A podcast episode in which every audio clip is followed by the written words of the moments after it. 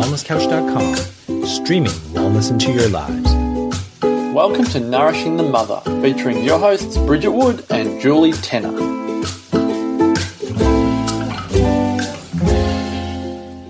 Hello and welcome to Nourishing the Mother. I'm Bridget Wood. And I'm Julie Tenner. And today we have a really special podcast for you an interview with a woman that we dearly love and admire and have both sought refuge from in various ways. Her name is Kirsten Wolfe, and she is an acupuncturist that specializes in women's health and fertility. So today we are talking about the fertile journey with Kirsten. Mm. Would you like to give a bio wrap up, Bridget? Let's talk about Kirsten. So, Kirsten Wolfe is the principal acupuncturist and director of Mornington Chinese Medicine, as well as the founder of the Fertile Life Method. She works closely with a team of acupuncturists that deliver expert care to couples trying to conceive. She has trained over 100 acupuncturists in the Fertile Life Method and offers ongoing mentoring. She's been practicing for over 20 years and has solely focused on treatment of reproductive and women's health conditions such as infertility, both natural and IVF, pregnancy, pre birth, labour, and postnatal care for the past 13 years. This has allowed her to become one of Australia's leading Chinese medicine experts in the field of fertility. So we will pop, you're about to hear the interview, and we will pop all links mentioned in the show notes, so in the description part of the podcast. And we'd love to remind you to jump onto nourishingthemother.com.au and sign up to join our tribe with your email address. So once a week, we can shoot you off an email that has links to everything that's out in the world, and you can dive a little deeper where you'd like to. We hope you enjoy this interview with Kirsten and also the personal story that we weave in on our own journeys with her. Mm. So, welcome, Kirsten. It's so special to have you here on the podcast with us. Mm, Can you, you tell us about who you are and how you've come to this such important work in the world? Um, well, I can share firstly why I do what I do. Mm. I have an absolute um, heartfelt passion for helping people achieve their dreams. And the people I work with are people that want children. So I do that through my practice. I also do that through my team that I've coached and trained in fertility. I also do that through teaching other acupuncturists how to treat fertility so they can then go help other people. Mm. So for me, it's to be of service. Mm. Yeah. And I got into acupuncture, now I'm feeling old, 22 years ago. I got really, really sick with carcinoma in situ, which is um, the stage before cervical cancer. And I have a very, very rebellious streak. And my mum wanted me to do Western medicine, and I didn't want to do it. Um, I didn't want to have the um, slash your cervix to take it. And I knew that that would make carrying a baby difficult and lots of other things. And my grandfather was a spiritual healer. So I went to him to ask his advice, and I tracked down a acupuncturist in Adelaide who could not speak English. So he used to take my pulse, and I drank raw herbs for two years. I kept having my pap smears every six months. Mm-hmm. And I also did a lot of self development and working out why I created that in my body. And two years later, I got the all clear. Wow. And that inspired me to then go out and learn acupuncture and be able to be a facilitator for other people in their healing journey. Mm. Why fertility specifically? I think because of what I went through. Mm. Yeah. And I lost an ovary in the process. And, you know, when you graduate, as a practitioner, when you graduate, you attract a certain type of people. Mm. You know, you can graduate and think, I'm going to treat musculoskeletal. Like one of my first patients was a fertility patient. Mm. Yeah. And I used to, for the first two years, I used to do fertility and other general stuff. And then I would just attract fertility. And I've got such a passion for it now mm. to help people that have been on a journey for four or five years and don't know what to do. And they've gone on the roller coaster of IVF and to be able to help them and give them the hope to have children and then to see that child grow in them and get the cuddle at the end. Mm. There's nothing better in the world for me than that. Mm. Like I often say to people, if I won a million dollars, I'd still go to work. Mm. Like it hmm. wouldn't stop me. It's my absolute passion. It's so magic.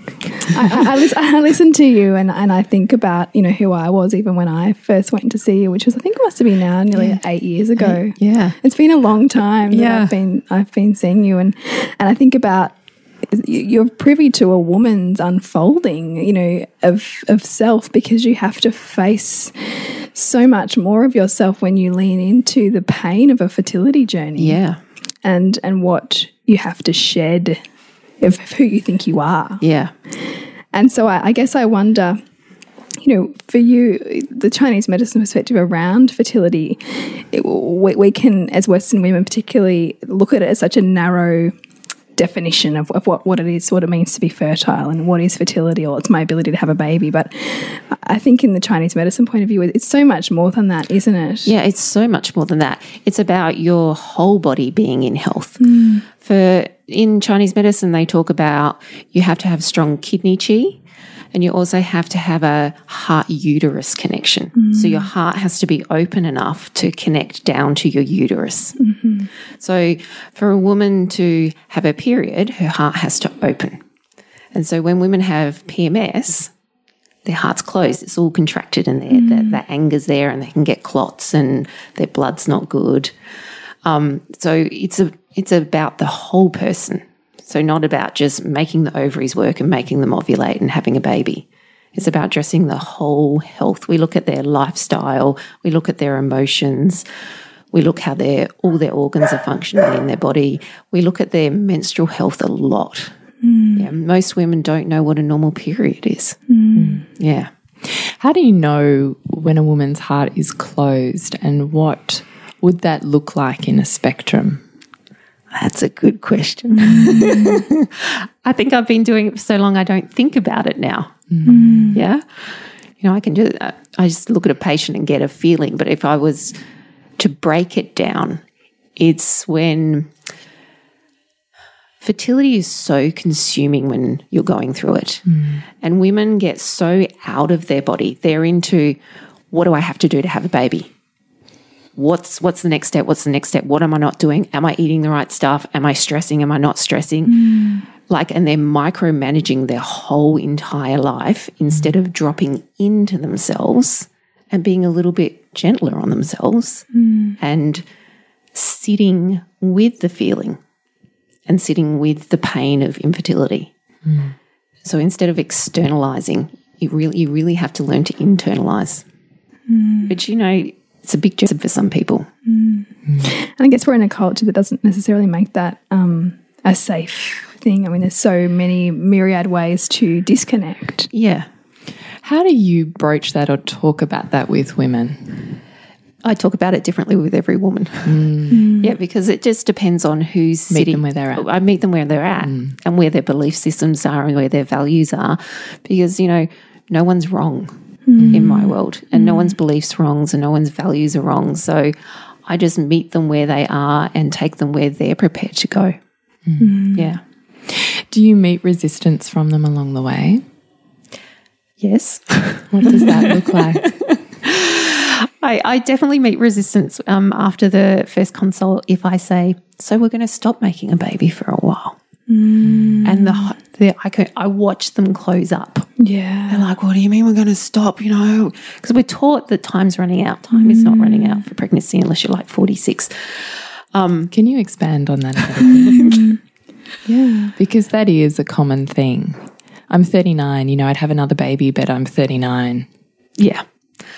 So there's this whole And the geriatric pregnancy. I Oh, yeah. freaking hate that term. geriatric. I haven't the heard of geriatric. that. That's what that's that's the term in hospital. If you are over 36 and or maybe it's 38 now, I can't remember which it is now, you become a geriatric pregnancy. oh my god, Isn't that the most horrific appalling. term? That's As a term. appalling. It's horrific. So appalling. yeah. Oh my gosh. There's this thing going around that women run out of eggs.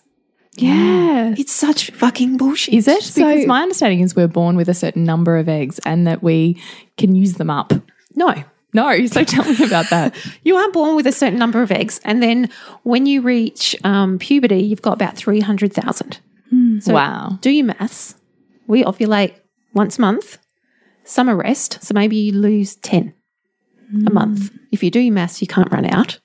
Hmm. Yeah. And then they've discovered on the outside of the ovaries are stem cells that make eggs. Wow, I didn't know that. I didn't know that either. Wow, Yeah. that's amazing. So they're discovering all these things. So this whole thing of running out of eggs and hmm. AMH test. Because they do a test to say your eggs are running out. Have you heard of this? I have heard of it. Oh, oh you know, people wanting to freeze their eggs because their Yeah, eggs, I haven't heard eggs are running that. out. And So there's a, a test called an AMH test. So they're testing a hormone that the follicles give off when they're coming up on the ovaries. So it what it does is measures the hormone from the follicles coming up, but not from your actual primordial pool. So your egg pool, it mm. doesn't count that. Mm. And this is what women don't understand. And they're being told, you've got no eggs. wow. So for me, the test is what it tells me is there's not enough chi and blood to the ovaries to bring enough of the follicles out of the primordial pool up. Right. Yeah. Yeah. So they might only have one or two follicles coming up instead of 7 So mm-hmm. that's just a, you know, we need some more blood flow, we need some more nutrients, and then the eggs come up. Mm. You know, so if anyone can take anything away from this talk today is you don't run out of eggs. That's a really important and beautiful point to make. Mm. Yeah. You never underestimate the ripples, right? You never know what that one sentence does for someone. Yeah. Yeah. And I mean, that really speaks to, um, like, you are whole. Like, you're, you're not missing things. No. You know, and I think that there's a real um, sense of, Uh, you know, often lack that pervades women. You know, the, the story of the fertility journey, which is, which is, you know, not being enough as a woman if you're, if you're not able to have a baby or if you're having difficulties. But yet, this totally flies in the face of that because it actually shows you actually have so much potential here. So much potential. Mm. Yeah. Mm. So, what do you see is in the way from where their bodies are currently sitting to where you want their body to be for creating life? A myriad of things. Can you hit us with a few of those? I can hit you with my number one thing, mm-hmm. which is the sperm is shit. Mm. Yeah. And I have these women come in because, you know, women, we're like, let's solve the problem. So they're doing all the things, they're trying to do all the things, and they come in with me. And I some I haven't talked to them. They've got perfect periods, they've been BBT charting, that's perfect, bloods are perfect, everything's perfect. And I say, Has anyone done a sperm test? No one's done a sperm test. Hmm. Or husband smoking, drinking. You know, he's 50% of the story and it's left out so often. Hmm. Yeah. So my first first thing is always to get a sperm test. And I've been doing this for 18 years. In the last eight years, it's declined so rapidly. Like the sperm morphology, which means the shape of the sperm. Sperm has to be the right shape to enter the egg. Mm-hmm. I used to see it at 30%. Now I'm seeing it at 2%. Wow. Yeah. What do you want it to be? For natural conception, 15%. Hmm. Yeah. And we often, we usually see it at 4%. So that means you've got a 5% chance of getting pregnant in 12 months. Hmm. Wow. Yeah. So, you know, the partner has to step up. Hmm. It's that, you know, it- parenting's like hard enough. Yeah. You, Yeah. Need, you need your partner for parenting, but you need your partner to make a child as well. So I see that more often. I reckon in about 60 or 70% of my cases, that's the problem now. Mm. Whereas 15 years ago, sperm was great and we were fixing women. Mm. Yeah. So, what does it look like? You know, in the case of you know, obviously a saint woman, you know, your partner needs to go and have a sperm test, and, Yeah. and and how much does that change the conversation for a woman too? Because she's almost like, well, hang on, maybe it's not just me. Maybe I, maybe maybe there's not something wrong with me now. they still own it until you see the sperm test. Mm. And then it's generally me that has to explain the mm. sperm test, or they've had a sperm test with the gynecologist or the IVF and no one's actually explained it to them. So I mm. like to cite them and then I have to have the conversation. And most women break down. Wow. Like just completely break down because they were taking ownership mm. that their fertility issues were entirely them mm. and their wombs couldn't produce children. Wow. So most just they they break. Mm. So, what does healing look like for men? Is it different to women? Do they need a heart prostate connection? Yeah, they do. but for men, it works differently. I don't treat men anymore. Um, I find I've got Scott and Simon, and they treat the guys. They speak a completely different language than us, and it works really, really well. Yeah. So I kind of leave the men's business to them. You just kind of hand it hand over. it over. And it's um, from a practitioner perspective, um, people will share more if they know your partner's not seeing them. Mm. Yeah. So a woman, Yeah. yeah. For me, I create such a safe space that I want her to express whatever's going on for her. I mean, often we have sex conversations, we have relationship conversations, we have all sorts of about conversations about what's going on for them. And a lot of them mm. say, you know, you're the only person I can talk to about this mm. because they don't want to talk to their friends, or some haven't even told their friends they're trying for babies. Yeah. It's such a silent thing and it shouldn't be. Do you think there's a lot of shame wrapped around the infertility journey? Yeah, a bucket load of it. Why do Why, you think yeah, that why is? is that? I think because they believe they're failing as women. Hmm. You know, we get taught at school, you know, you must be on the pill, you must use condoms because you'll fall pregnant like that. Hmm. You know, we're not taught about our cycles. We're not taught about what our blood's supposed to be like and the ebb and flow of what it hmm. is to be a woman. So we expect we go off the pill and we get pregnant like that. That's what we've been, we were terrified as, I mean, I was Yes. terrified. Yeah, me too, yeah, yeah. As a teenager And that's so drummed into you. so drummed it? into you that you can get pregnant anytime you mm. cycle, not just when you ovulate. Like you're terrified, mm. and then you know you you stop the pill, and you know these women they're like, I'm not getting pregnant. What's wrong with me? Mm. I remember, um, I don't know if you know this book, but I was about 25 and I was reading this book called Taking Charge of Your Fertility.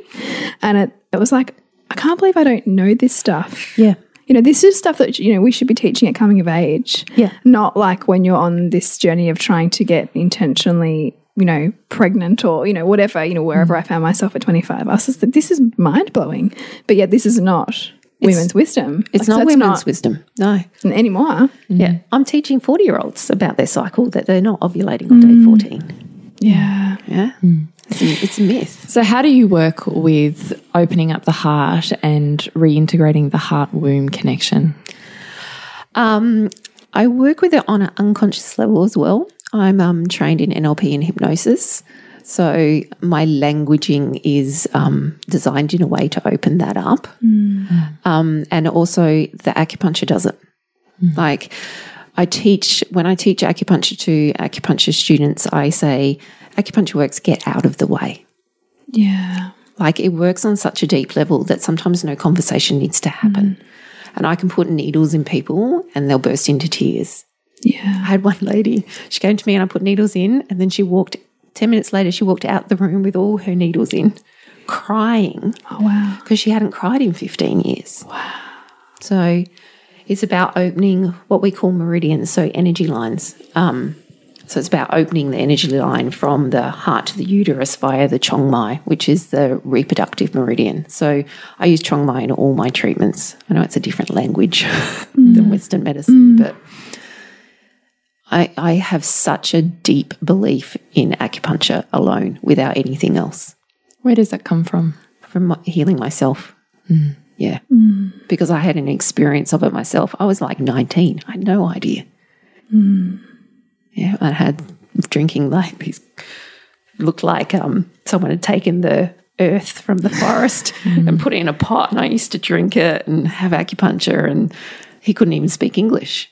Mm-hmm. Yeah. Mm-hmm. And it was the acupuncture that, you know, changed it, as well as, you know, my journey on discovering, you know, I was so rebellious, so rebellious and so angry at the world and, you know, to become into myself through sweat lodges and learning, you know, how our brains work and how we are as women. Mm. And now you see all of that fits into how you serve your clients. Yeah. Mm. Yeah. Mm. I think um, the more you know yourself, the better practitioner you are. Yeah. So you're not putting your own true. stuff onto other people. Other people. What do you think the definition of infertility is? Oh, I can give you the Western medicine one. Yeah, well, you can give me both. You can give me the Western and your own. The Western medicine one used to be failure to conceive in two years, and then it turned to failure to conceive in 12 months, and now it's failure to conceive in six months. Why have they changed that? Probably because IVF's become a company. Mm. That's my belief. Yeah. There are amazing IVF doctors, like amazing that do it for the love of it, but I have seen it turn into a money making machine as well. Hmm. In, in what space of time do you think that's happened? I don't know, maybe 15 years. Hmm. Yeah. How do you know if you're with a good IVF facility or a bad one? What's the experience that's different? If the IVF specialist is doing the same protocol over and over and over again and not switching anything up For multiple women or for the same woman? for the same woman, mm-hmm. that is not a good one. Hmm. Yeah. so theoretically, they're retesting, looking at results Yep. and shifting. and is shifting just as I would as a practitioner. You know, if that's if their chart's not changing, what am I not doing? What am I not seeing? Hmm. Yeah. and so, why do you think acupuncture works well with IVF? Maybe the IVF works because of the acupuncture. yes. Yes. How many of your clients do you find um, that most that have come to you via the IVF route looking to support that? Or do you find a lot of people are still really committed to the natural fertility path? it's half half. Yeah. Um, some women they need to do IVF. Mm-hmm. Like you know, there's reasons why they need to do it, and I'm really not opposed to IVF at all. Mm. I think how fucking amazing is it that they can put an egg and sperm together, It's amazing. Yeah. It's create incredible. life, and then freeze it, mm. and then sometimes bring it out two years later, That's amazing. and it turns into life again. I think that's just so it is amazing. incredible. Mm. And you know, some couples and some women need that. Um, I reckon half my practice is natural and half's IVF. Mm. And sometimes, if people come to me for IVF, we take a break from IVF mm. just to build the body back up, to re look at the whole case and see if anything's been missed. Um, sometimes they get pregnant before they go back to IVF, or they go to IVF and get pregnant the first cycle. Mm. Yeah. What is the difference in how you treat a woman that is pregnant versus a woman that is seeking to be pregnant? In what way? I know. I'm just interested. Just like, interested. yeah, yeah. Do you see them differently? Do you, are you do you find that you have a different um, type of client, or are there specific amazing things that you're doing in pregnancy versus to the body to get pregnant?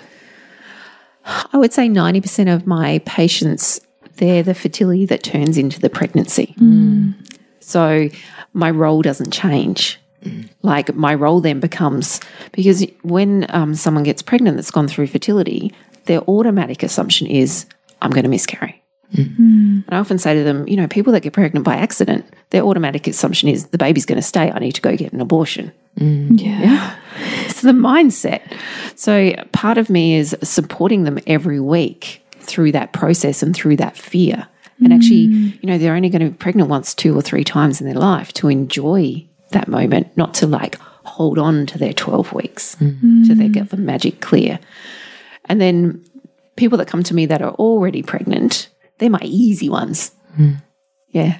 Mm. Because they're already in that, they're enjoying that, unless they've got morning sickness and then they're like, it's chaos.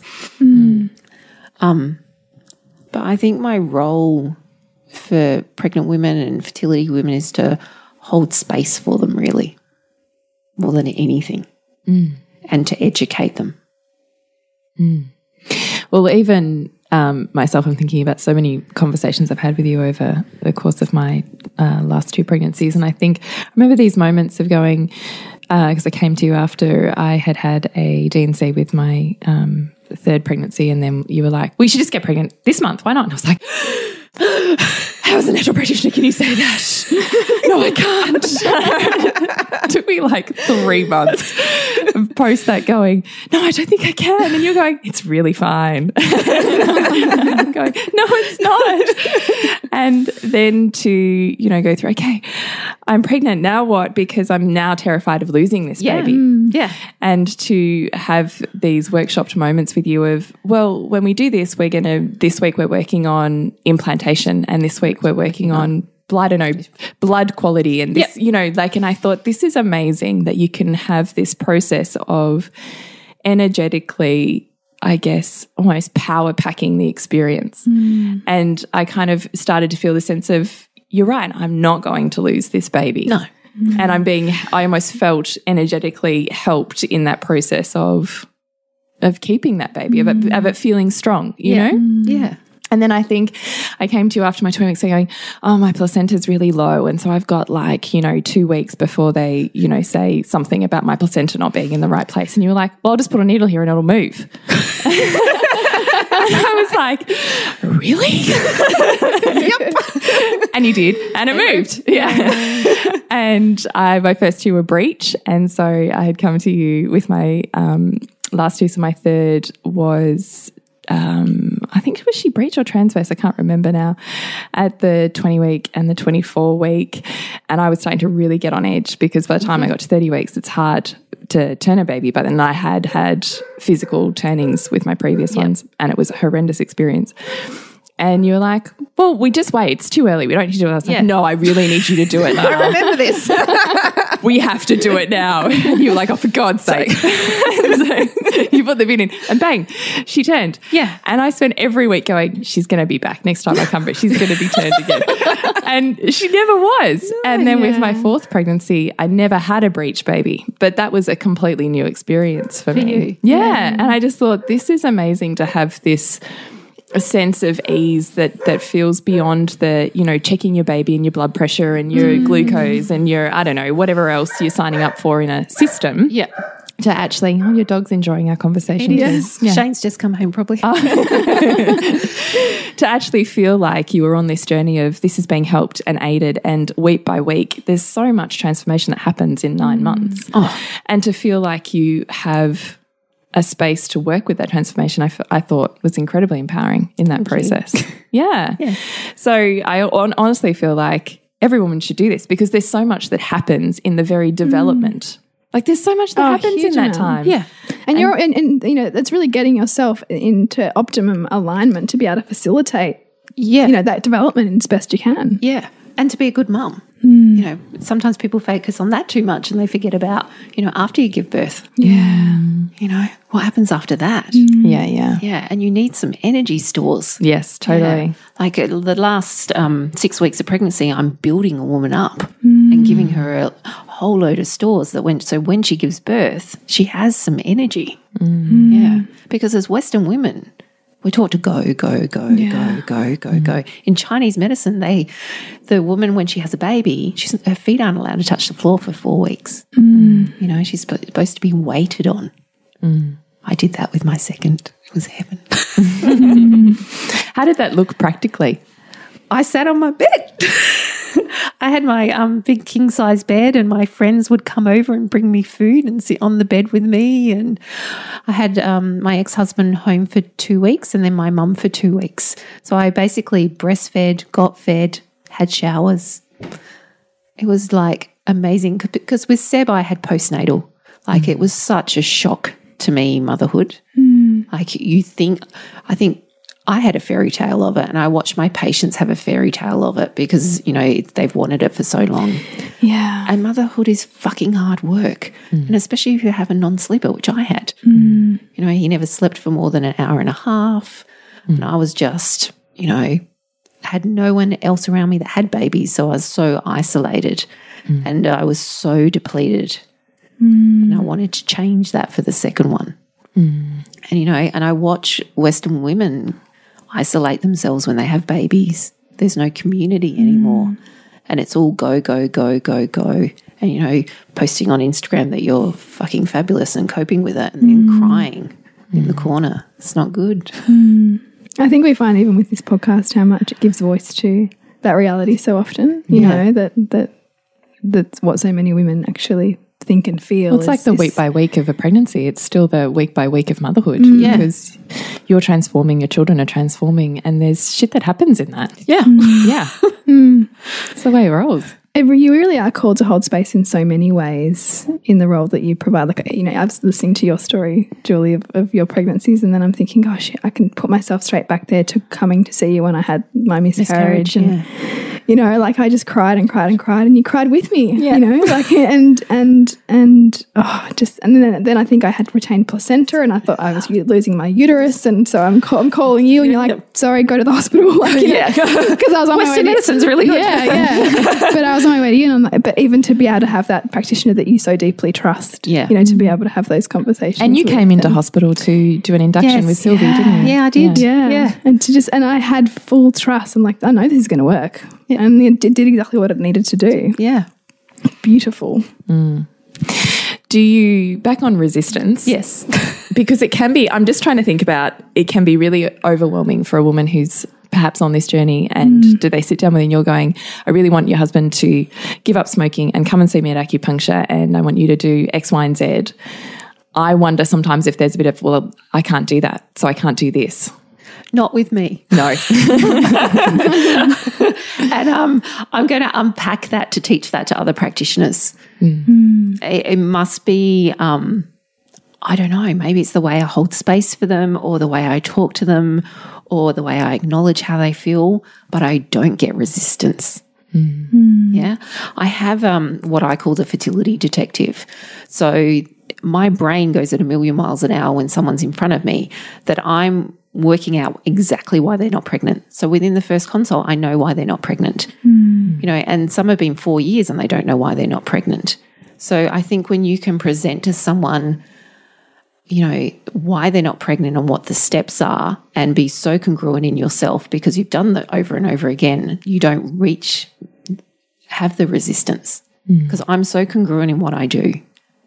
I have such faith that what I do works if you do what I tell you to do. Hmm. Yeah. And some come in, they, they do the walk of shame when they come in. so they go, oh, I had my chocolate. I'm like, that's okay. yeah. And But I, but I think you do also really work with the woman's own values, don't you? yeah, you know, absolutely. As, much you as have to respect Yeah. people's values and where they're coming from. It's it, and it's such an instilled thing in me to be ecological, which I learned from Paul Michelle, which is an NLP trainer, and James Sakalis, and I Melissa Scott as well. And it was just driven into me that everyone has a different map of reality, hmm. and their map's not wrong. It's just hmm. different. Hmm. Yeah. And I, you know, my pet hate is judgmental practitioners and practitioners that think they know the right way for the patient in front of them rather than going into their world with them and their value systems and their beliefs and what works for them because they're already rigid enough on themselves. Hmm. Like fertility, pregnancy, they're already rigid enough.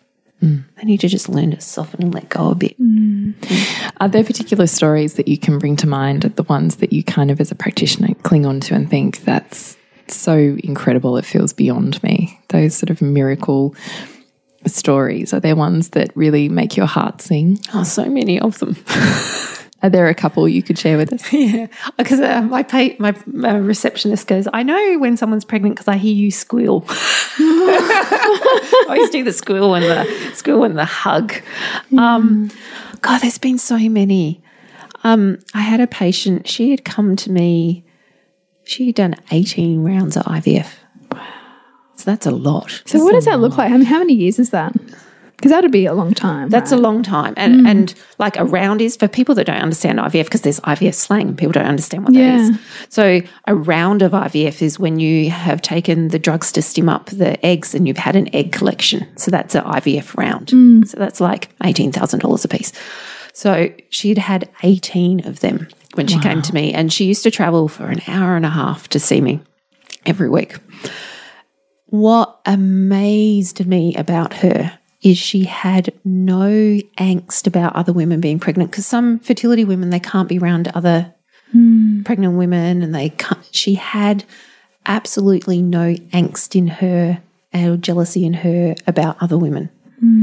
And i remember saying to her you know we're going to have to take a year off or at least six months. Like your body's been through so much. And um, we went on the journey, and um, Did she, she did she agree to that? yeah, yeah, yeah. And um, we did. Then we did one round of IVF, and she got pregnant and what's called a chemical pregnancy, which means you're kind of you, it takes hold and then it doesn't. Um, that was a bit devastating for her, and then we went for the round again, and she had a baby, like after 18 rounds of IVF. But what blew me away about her was her non resentment, and I think that's what got her pregnant in the end. Her mm. heart and her uterus was so mm. open and not closed down.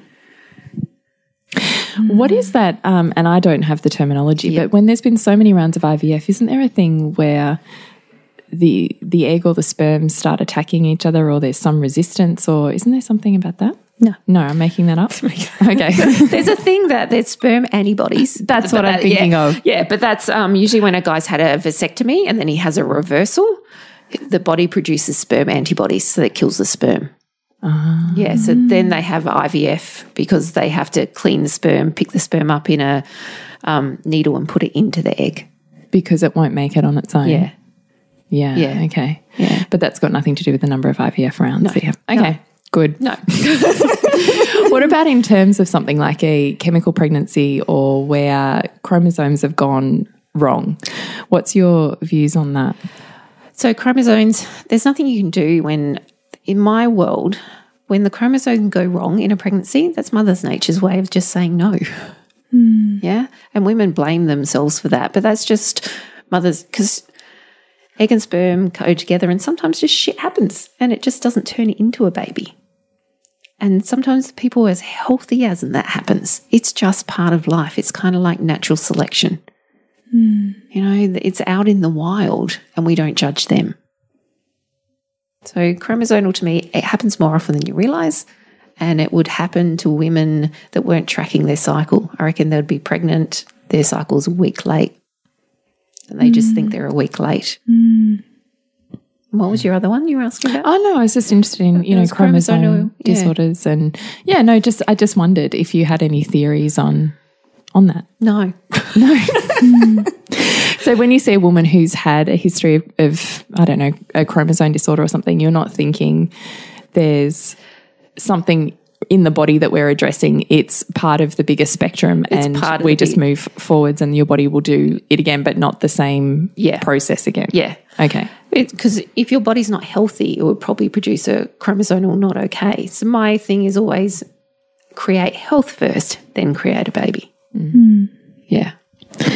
I'm interested, are there certain commonalities in the women that you see in clinic for fertility? You know, is there a certain, not I'm going to say, is there a type A personality or There is type A. tell us about what that looks like? Um, so there's lots of type A's, which I say work like a man, want a baby like a woman. You know, they're doing the 70 hours a week. That is not how to create life. We hmm. like yin and feminine, and then we've only got a finite amount of energy a day. So if you know, starting with a hundred bucks and you do 70 hours of work, are you coming home with a dollar and hmm. you're trying to make your body make a baby? That's not hmm. going to work. Yeah um, because they're so driven by outside goals rather than inside goals. And some of them aren't even happy in their jobs. And when I give them permission to stop, a lot of them stop or change careers. I just had a patient, she's amazing. Um, I said to her, you know, if you had a million dollars, what could you, what would you do? Like if money wasn't a problem, what would you do? And she's like, oh, I want to create a retreat center and, you know, just do that. And then a month later, she goes, so I bought a retreat center. I'm moving. Wow. she's, she's just moved. Amazing. yeah. Gosh. Yeah. Because it's so much more than, hmm. yeah. Do you find that some women almost struggle with the identity crisis that that can bring up because they are faced with, you know, this this letting go of who they think they were, but who they know that they need to become in order to create what they so desire with a baby? Is Yeah. that difficult for some women? Some women, but then I'm like, because I don't want to be judgmental either. Hmm. Because, like, I'm a driven woman. like, I work at 100 miles an hour um, and I still had babies. So it's about balancing your career. So coming down to 30 hours a week, you can still mm. have a amazing career where you're driven, just not driven to depletion. Yeah. Does that Yeah. make sense? Mm-hmm. Yeah. So it's almost the check in with that inner resources Yeah. of knowing when is enough Yeah, versus when am I on burnout. Yeah, and most people don't know mm. because then their adrenaline kicks in and their cortisol kicks in and they're like, they think they've got energy. Hmm. And when I tell them to, because and women don't know how to stop, I go, do what do you do? Relax. People go, I go on a 5K run. And I'm like, no, no, no. What do you do to relax? What do you mean? Like in our society, we don't know how to stop hmm. and stop and do one thing at once. They go, I'll watch a Netflix. I go, cool, with your phone? They're like, yeah. I'm like, so when do you do one thing at once? Because in Chinese medicine, when you chop wood, chop wood. Hmm. Do one thing at once. And I think it's in our society, it's not there anymore. Hmm. People don't do it, especially with the bloody iPhones and iPads, and no one's just sitting back and enjoying a movie and completely relaxing. Hmm. And largely, you you get no resistance there either. They Like- just roll with what you're saying. Yeah, they go, How am Oh my going to! How am I Who are you? Not really that much resistance. Is that because, you know, desperation breeds compliance in a way? Like, you know, they're at the point, so many of these women who, who were, they, they, they've come to you because in some cases you're like their last resort. Or they've come to me not believing in what I do. Yeah. I get a lot of that. So what does that look like? or you you're speaking an inner truth. So on some level, our body recognizes truth when it hears Yeah, it, yes. doesn't it? Yeah. And so sometimes it can be someone else who who is an experience, a practitioner, someone you have perhaps on a pedestal or who's showing you a way to something you desire and who says, This is truth. Yeah. That you're willing to listen to the permission someone else gives you rather than that you can give yourself. Yeah. And some women need permission to stop Mm. from someone else, which is a little bit sad. I had to learn Mm. get it. Yeah. Yeah, I had to learn I had too. to learn it myself too. Yeah. Yeah. I was a doer, Yeah. like a doer without stopping at all. Yeah. Mm. But I get all, I get a whole range of pra- patients. Yeah. I don't think you could put them down to You can't see common threads in, in No. women that experience infertility, so to speak. No, I see. I attract yang deficient, blood deficient women, which is cold women. So they're not warm enough. Their uterus isn't warm enough, or they don't have enough blood. So I attract a certain um, type in Chinese medicine. Mm-hmm. Whereas Jan, that used to work for me, she worked for me for 10 years, God love her. She attracted the yin deficient. So people with hot flushes and hot and mm. workaholics. Mm. Yeah. So you, I attract a certain type of woman. Mm. But within that, they're individual, if that makes mm. Yeah, sense. it totally Yeah. does. When you think about this idea of, you know, women who can tend to be like all in their head, you know, and, and that lacking the ability to for greater embodiment. Yep. And does that get in the way of fertility? I used to believe that. Hmm. And then universe smacked that out of me. um, I've worked with a lot of women that have lost children.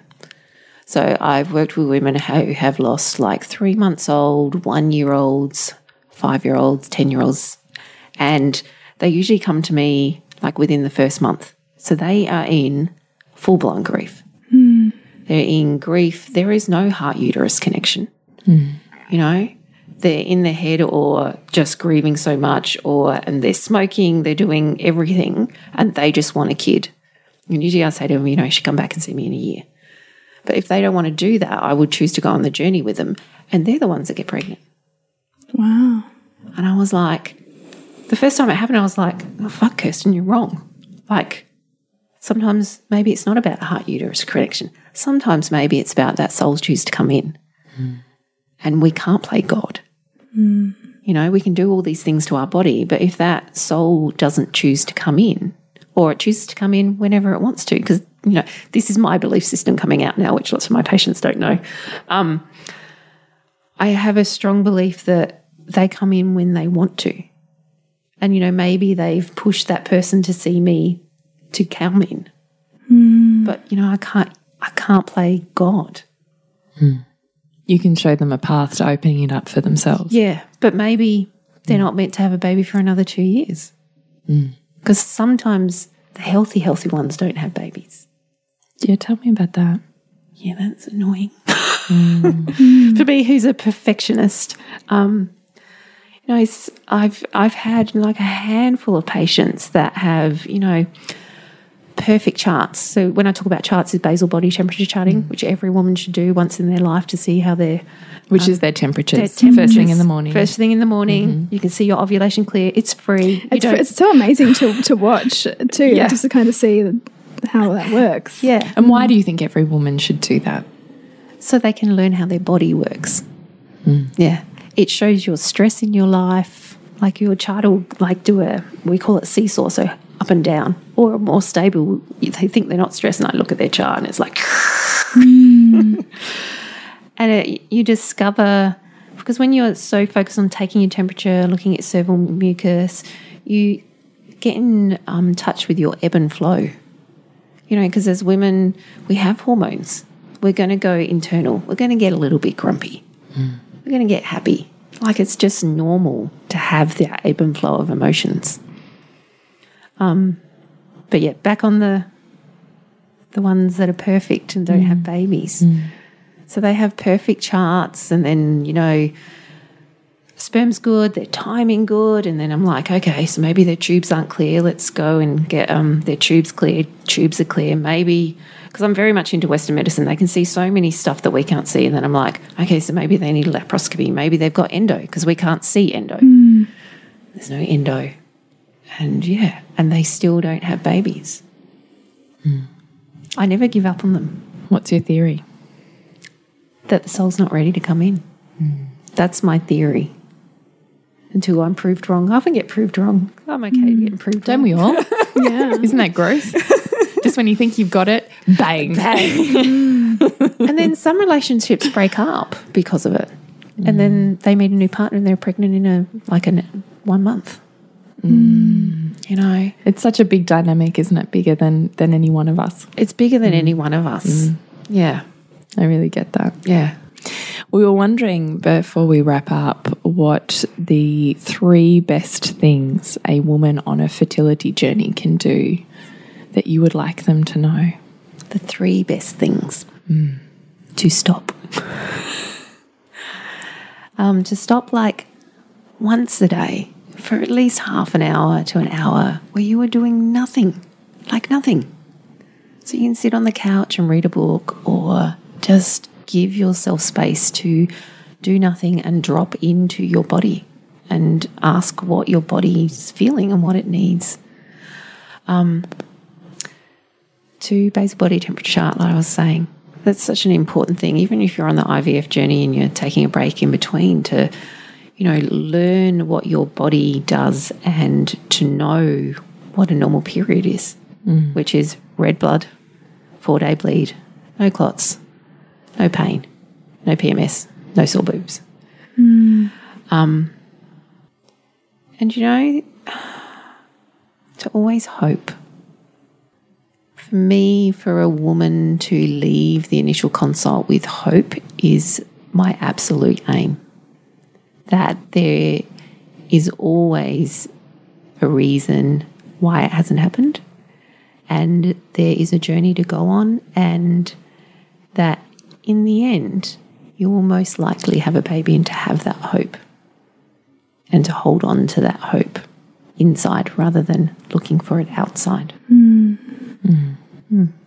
That's beautiful. Yeah. I get emotional. I know. we usually have these rapid fire questions, which I realise in hindsight, I'm not sure that we pre interview forwarded to you. But no, but let's go. should we just go? Should we go? so, if you had a billboard anywhere in the world, Oh, any major highway, what would that billboard say? I am woman, hear me roar. So perfect. What does that mean for you? What does that mean for me? There is such power in being feminine. Like to be in what we call the yin and to own that and not to try and be masculine. Hmm. How does the yin power look different to the yang power? So the yang power is externalizing. So everything's out and strong, and I have to be aggressive to get things, and it's all raw. Whereas the yin, it's like you guys can't see me, but the power is from like dantian, which is down here, and it comes up through In the deep heart, belly. in the deep belly, hmm. And it's like an all encompassing solidness is I don't know how to explain it. No, I think you did. I'm wondering if there are books that have been really influential to you as a woman and or as a practitioner that you feel like every woman should read or every woman on a fertility journey of any and all sorts should read. Our fertility journey is Randy Lewis's book, Oh, the the way of the fertile soul. The Way of this Fertile Soul, and her second book. I don't know what that one's I lent it to you. Oh, I better give that back. I can't remember it, but it's more about um, Randy Lewis. She's my mentor. She's amazing, and um, she used to teach um, treat, and now she just runs retreats for women rather than for about them getting into their heart. And her second book's about getting into your heart. So they're both really, really good books to read. You can just buy them on Amazon. Hmm. Hmm. And usually, I mean, I wonder if we've already overlapped this in some way, but usually what we ask is that obviously in this podcast, as you would already know, we have a huge reverence for the painful moments in our life that have been transformative and from which we've gained the deepest wisdom that have carried us forward. So I'm wondering if there's a time in your life that you consider one of your deepest, darkest journeys that inspired you with your deepest, brightest wisdom that moved you forward. See, now you got the tears. Hmm. Um, we love tears. we love tears. Because that's the heart, isn't it? That's Yeah, the is. heart, and that's the soul that's connected to that. Because wisdom is hard earned. Oh. Wisdom is not just I've, I've studied and you know. I've Of affirmation. yeah. I mean, that's why. I mean, Bridge, you and I speak all the Mm. time about how much reverence we have for women on any journey Mm. because we know how hard a journey is. Yeah, yeah. Um, when Felix was eight months old, I went through a divorce and a very messy, messy divorce. Um, and it was one of my biggest, biggest learnings of my life to be so completely broken, like ripped raw to the very bones. I never thought I would be able to get my heart back together. And um, I have no family here. My family are in Adelaide. So I was like completely on my own with an eight month old baby. And Seb was three and a half years. And I just opened the clinic. Wow. Um, and I discovered the inner power that I never even realized I had like the well of keep going no matter what. And I learnt that I think that's when I really learnt that people have different views on the world and different ways of looking at things. And I had to, you know, look after me but it was the I reckon the f- first two years of divorce was fucking horrific. Hmm. Yeah, and I I took a journey of healing my heart, and it took. Oh, I met Shane three years ago, so it took a long time hmm. to heal that and to trust men again. But it gave me I'm such a strong woman because of it and such an fiercely independent. And I often say to single mums, like, you can do it. I did it. As a single mum with no family, I created a business that supported me and my kids and bought a house. Hmm. You know, there's this thing that single mums have to be poor and they can't do things. We, as women, we have this enormous amount of wisdom and power. And when the t- it gets- grit, that's it. Hmm. We can just do what needs to be done. Hmm. But yeah, such a. ugh. Hmm. Isn't it always though to get Yeah. the, the the deep insight? But then I, hmm. I still look at it now. I look back and go, I'm so glad I had that experience because I wouldn't be who I was today. I wouldn't be, I don't think I'd be as heart connected as I am today with all my friends and family and my patients if I hadn't gone through that myself. Yeah. Thanks for sharing that. Yeah, thank you. It's really beautiful to hear another woman's wisdom. Mm. Thank you. Is there anything you would like to leave our listeners, your listeners, with before we say goodbye? No, I feel like I've just poured my heart out. And we're grateful. You know, I think this is one of those incredible spaces where you feel like you're having an intimate conversation with us sitting Yeah. here. These mm. women have us in their ears and they choose their out time to share that with us. And it's usually a really intimate experience for them as well. So I think that that is always taken with a huge amount of, of reverence as well for our listeners. And we would love you to let Kirsten know that too. yes. So, Kirsten, how can we reach you and find you in the world? Oh. Um, so my clinic is Mornington Chinese Medicine, which is on Tanti Avenue. So the website's morningtonchinesemedicine.com.au. If you want fertility though, it's fertilelife.com.au. Um, I have an ebook there. So I can probably give you listeners some discount. We can set up something. That would be great. Yeah, we'll put all of that in our show notes. Yeah. That would be really great. Yeah. And we'll put all those links in our show notes as well. Are you on social media too? Yes. I'm so bad at social media. so the Facebook page is Fertile Life. And I think my Instagram is Kirsten. I'll have to put it in. That's how bad I am at social media. Yeah, we follow you though. I think you have two. I think you might have a personal one and a business one, mm. didn't you? I think so. I don't know. But hey, We will put all those We'll put all in. we'll put them in. I've got to get better at it. Thank you so much for joining us. We're eternally grateful that you're willing to share your heart and your time with us. And we, as you know, are your biggest fans and adore the work that you do in the world and tell everyone they should go and see you. We so do. we really do. And thank you for the both of you for having me. You are both such beautiful women with such. I don't know. I just want to give you a hug. That's the way I can explain it. we like hugs too. Thanks, Thank you. We so hope you enjoyed that deep dive with Kirsten on her story and also how ours wrapped into that. Um, whether you are on the fertility journey or know somebody who is or can relate to some parts of what Kirsten was saying about the journey of a woman into pregnancy and birth, there were so many big themes there for us all. Mm, absolutely. So, once again, we'll pop all links into the show notes themselves. We would love you to connect with Kirsten online as well as us at nourishingthemother.com.au, Nourishing the Mother on Facebook, Instagram, and Pinterest. Yes. And to connect with you, Bridget, It's suburbansandcastles.com. And you, Jules? is thepleasurenutritionist.com. Remember to nourish the woman to rock the family. And we'll see you next week when we continue to peel back the layers on your mothering journey. This has been a production of TheWellnessCouch.com. Check us out on Facebook and join in the conversation on Facebook.com forward slash The Wellness Couch. Subscribe to each show on iTunes and check us out on Twitter. The Wellness Couch, streaming wellness into your lives.